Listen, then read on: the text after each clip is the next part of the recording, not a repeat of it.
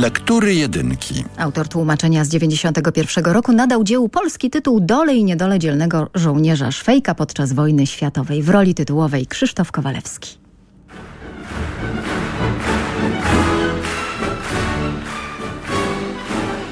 I tak trafiłem do więzienia garnizonowego. Było to okropne miejsce, którego grozę i nudę rozpraszały jedynie nabożeństwa odprawiane przez kapelana polowego Otto Kaza. Wygłaszał on kazania, które wszystkich cieszyły. Ja jeden widziałem, że kazanie księdza kapelana aż się prosi o jakiegoś skruszonego grzesznika.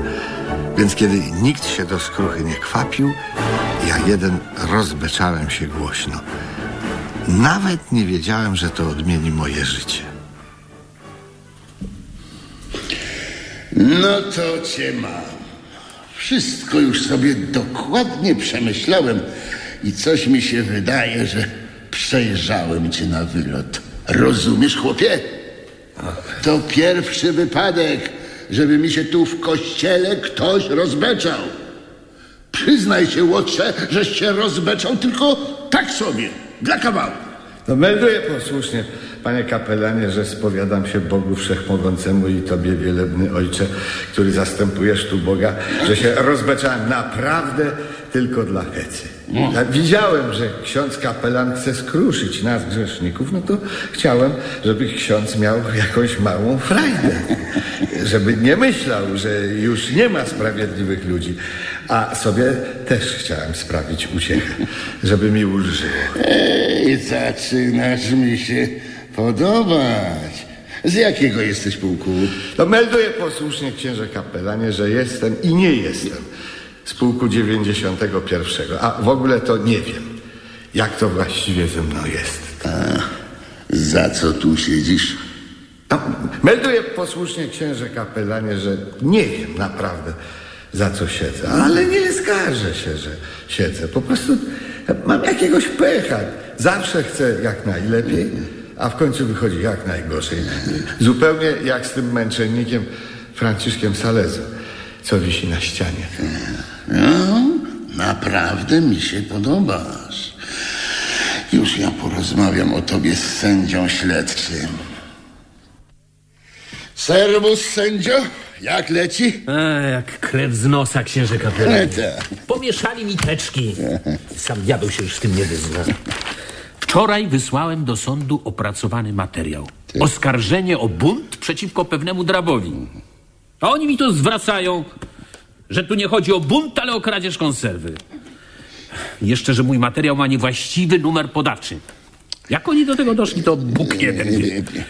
Chodzisz jeszcze na karty? A, nie idzie mi karta. Przerżnąłem wszystko. Ostatnio graliśmy w Makao z tym łysym pułkownikiem. Oskubał mnie do ostatniej nitki. Ale wiem o jednym kociaku.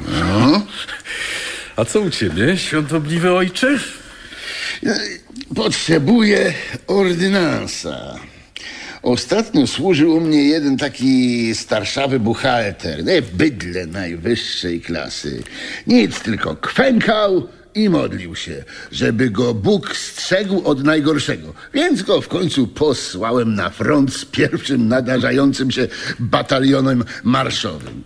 E, Chodzą słuchy, że ich rozbili w drobny mak. Po nim dostałem jednego takiego, co jak poszedł do knajpy, to siedział tam i siedział. I w dodatku pił na mój rachunek.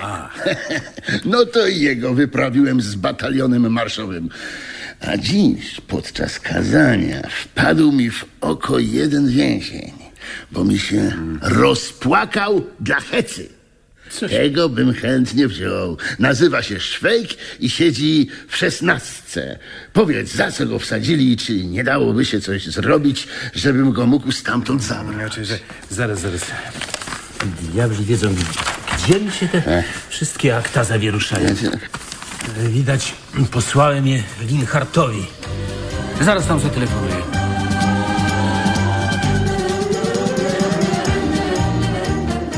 To był ósmy fragment powieści Jarosława Haszka Dole i niedole dzielnego żołnierza Szwejka podczas wojny światowej w tłumaczeniu Józefa Waczkowa. Adaptacja Hanny Marzańskiej, reżyseria Andrzeja Zakrzewskiego, realizacja Andrzeja Brzoski.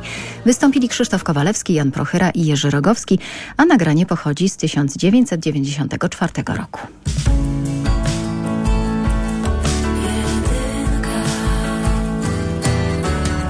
Polskie Radio.